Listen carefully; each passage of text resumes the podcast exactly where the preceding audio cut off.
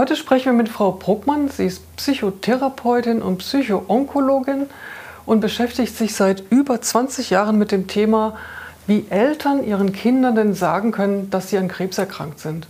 Das, sind, das äh, schauen wir uns nach unterschiedlichen Altersklassen an und würden jetzt sprechen über die Altersklasse von den drei bis circa sechsjährigen, also die, die sozusagen noch im Kindergartenalter sind. Frau Bruckmann, das ist ja auch ein bestimmt sag mal, besonderes Alter. Ja? Das ist ja auch das Alter, wo was ich was eben der Trotzkind und was ist ich was. Ja? Wie, wie nehmen Kinder denn so etwas überhaupt wahr? Oder wie kann man denn da vernünftig kommunizieren mit den Kindern über so ein schwieriges Thema?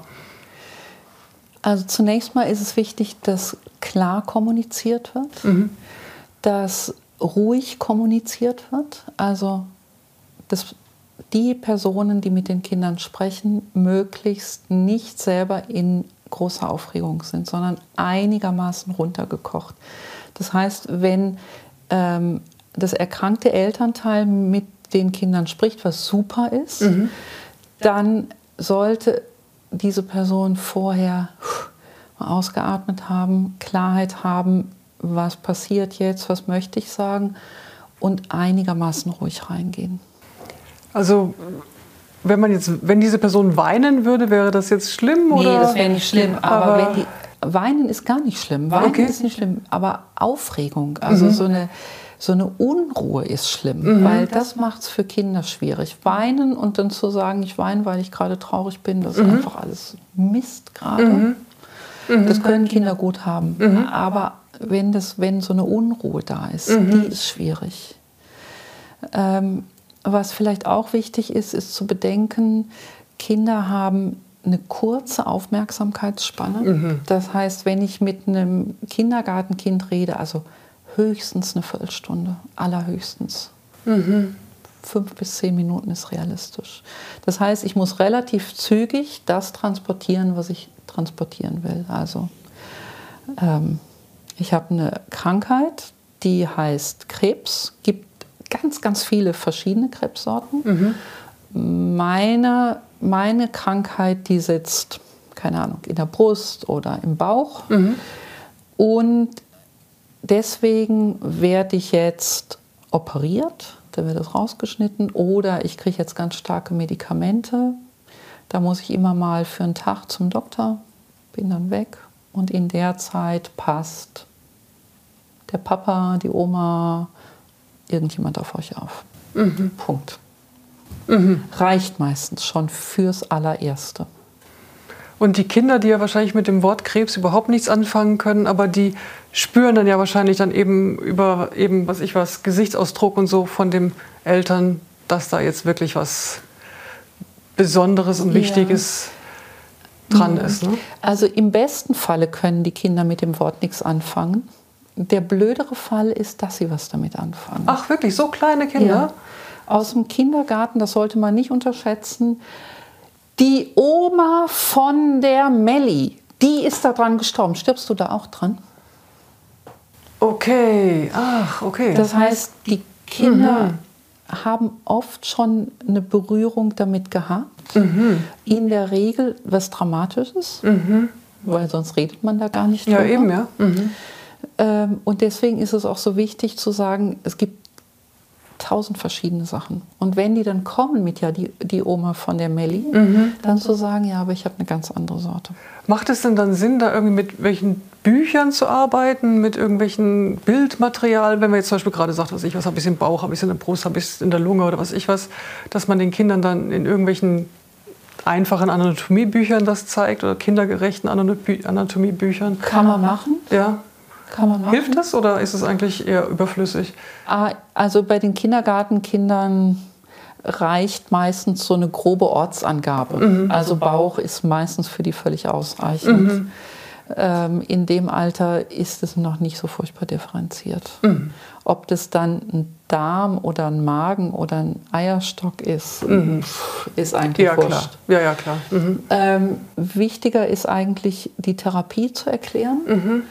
Ähm, Operationen können sich die meisten was vorstellen, nämlich da wird irgendein Knubbel rausgeschnitten. Ja. Ähm, Chemotherapie ist schon schwieriger. Mhm. Ist auch für Erwachsene nicht so einfach, ja? Ja. ja. Bestrahlung auch ganz schwierig. Ja. Deswegen, ich liebe die beiden Bücher. Die ja. sind richtig gut. Ja. Zeige ich Ihnen mal. Das ist der Chemokasper und der Radio Robby. Ja, okay, ja. Und die beiden erklären Kindern so zwischen, zwischen drei und acht, also mit acht ist man schon fast zu cool dafür, aber ja. heimlich gucken da sogar Erwachsene dann rein, ja.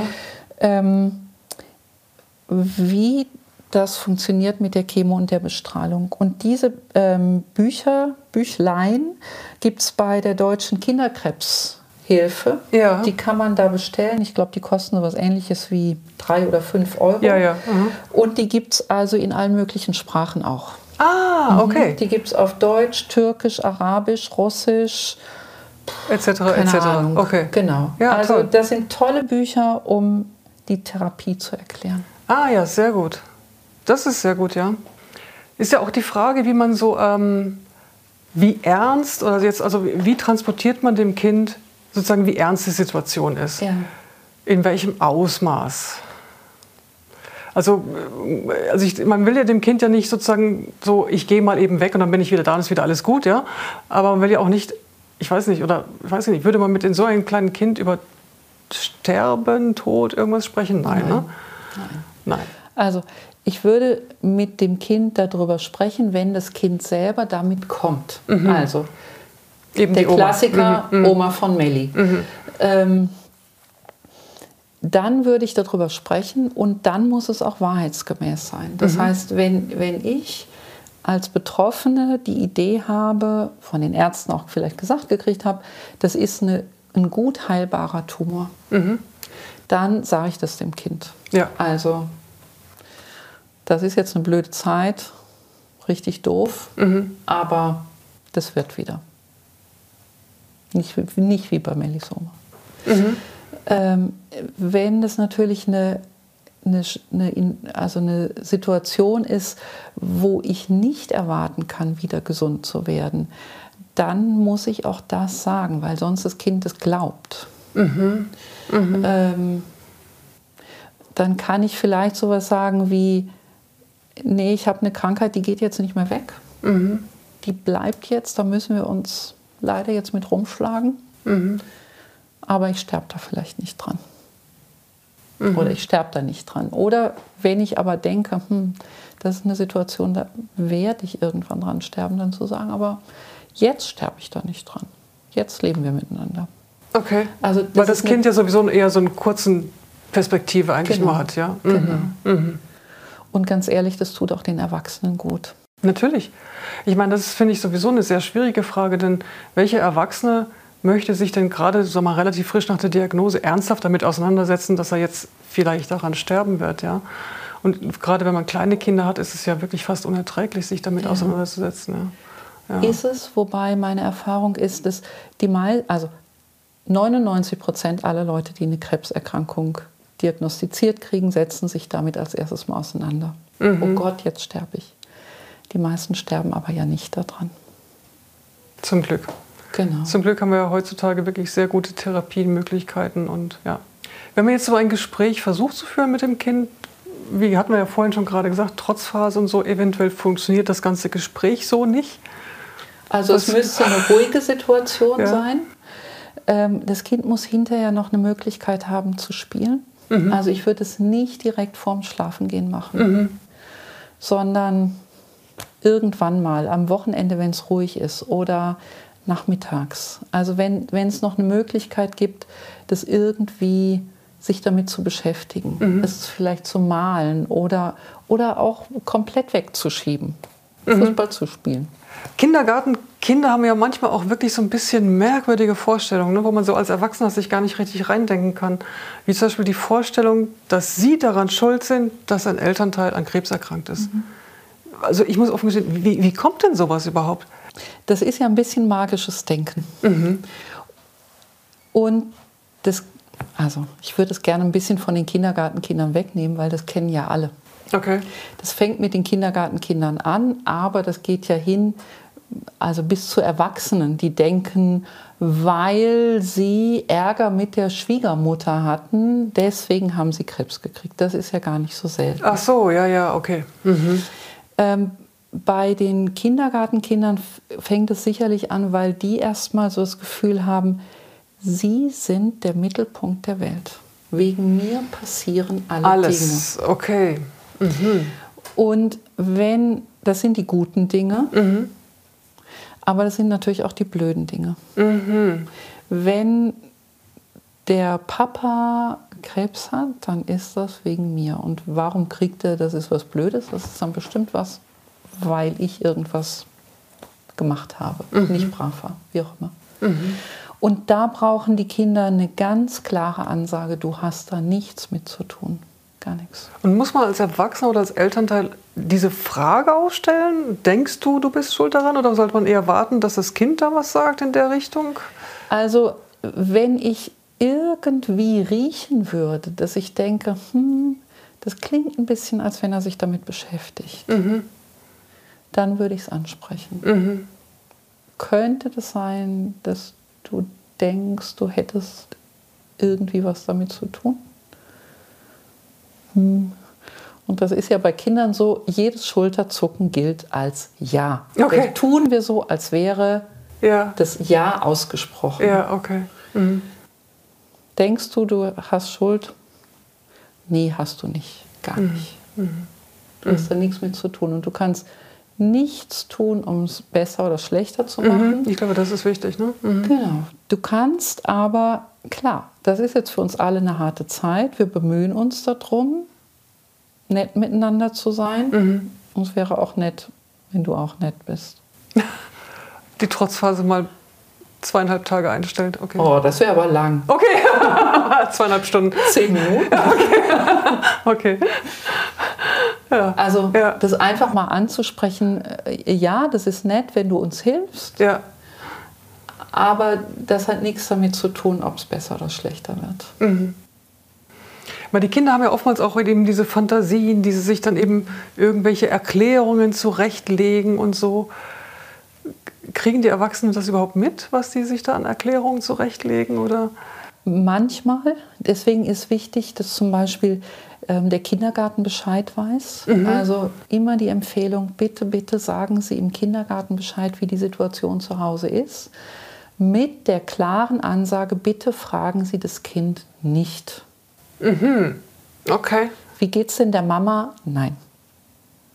Das ist keine Frage. Wenn Sie was wissen wollen, fragen Sie den abholenden Elternteil.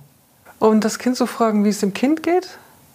Ja, aber nur, wenn's auch, wenn auch die anderen gefragt werden. Okay, also keine Extrawurst? Keine Extrawürste, ganz stinksnormal. Mhm. Und wenn irgendwas Auffälliges ist, dann bitte an die Eltern. Mhm. Mhm. Also beschäftigt sich auffällig viel mit Monstern. Mhm. Wäre ein Klassiker. Mhm. Mhm. Ähm, hat eine große motorische Unruhe, viel mehr als sonst. Ähm, sitzt nur in der Ecke und mag nicht mitspielen. Das wären so Dinge, die brauchen die Eltern als Information, als Info. Mhm. Ähm, und im Kindergarten sollen die darauf eingehen, so wie sie sonst auch darauf eingehen. Mhm. Aber keine Extratouren. Wie geht's dir, ist eine Frage, die kann kein Kind beantworten. Mhm. Mhm. Wenn es ein, ein Kind ist, was sich von Erwachsenen was abgeguckt hat, dann sagt es gut. Ja, ja, ja, okay. Information null, ja. Mhm. Mein Besuch von Kindern im Krankenhaus ist ja sowieso oftmals so ein Thema, ob das überhaupt zulässig ist, wann es zulässig ist und so weiter und so fort.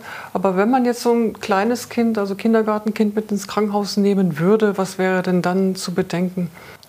Ähm, zum einen eine Beschäftigung mitzunehmen. Mhm. Ähm, also, dass, es, dass man nicht erwartet, wir reden und das Kind ist dabei, das ist tot langweilig. Mhm. Mhm. Das heißt, irgendwas an Beschäftigung dabei haben und darauf eingerichtet sein, dass es relativ zügig wieder weg will. Okay. Und entweder ich bin darauf eingerichtet und nehme mein Kind dann selber wieder mit. Mhm. Oder ich denke, oh, ich würde aber gerne bei meinem Mann bleiben. Dann brauche ich irgendjemanden anders, der rausgeht. Mhm. Also Oma, Tante, Onkel, ist mhm. völlig wurscht, Freund Ähm, aber irgendjemand, der dann mit dem Kind rausgehen kann. Aber dass man das Kind nicht zwingt, länger zu bleiben. Als, ja. Weil dann will es beim nächsten Mal ganz sicher nicht mehr mit. Also mhm. Weiß man mhm. ja nicht, ob man da wieder rauskommt, weil die Erwachsenen, die quatschen ja ewig und drei Tage. Mhm. Über lauter komische Wörter, die man eh nicht versteht und ja, so weiter. Das ist total langweilig. Mhm. Mhm. Mhm. Und Alltaggestaltung, was wäre dazu Bedenken beachten? So viel Alltag wie möglich. Immer. Immer. Auch dem Kind Aufmerksamkeit schenken, spielen, genau. Spaß haben. Der Geburtstag ja. wird trotzdem gefeiert, mhm, auch genau. wenn der Papa gerade im Krankenhaus ist. Mhm. Kann man vielleicht kleiner machen mit Hilfen und so, aber, mhm. aber es wird gefeiert. Ja, ja, das ist ganz wichtig, dass die mhm. Kinder auch einfach wirklich ihr eigenständiges Leben dann noch haben. Ne? Genau. Ja, ja. Hm. Ja, ich glaube, damit haben wir das Kindergartenkind eigentlich abgeschlossen. Ne? Wir würden dann auch noch mal die anderen Altersklassen anschauen. Und wir hatten jetzt schon gesprochen über die Kleinkinder, also vor dem Kindergarten, und kommen jetzt noch mal auf die Schulkinder und Jugendlichen zu sprechen. Also vielen herzlichen Dank, Frau Bruckmann. Sehr gerne.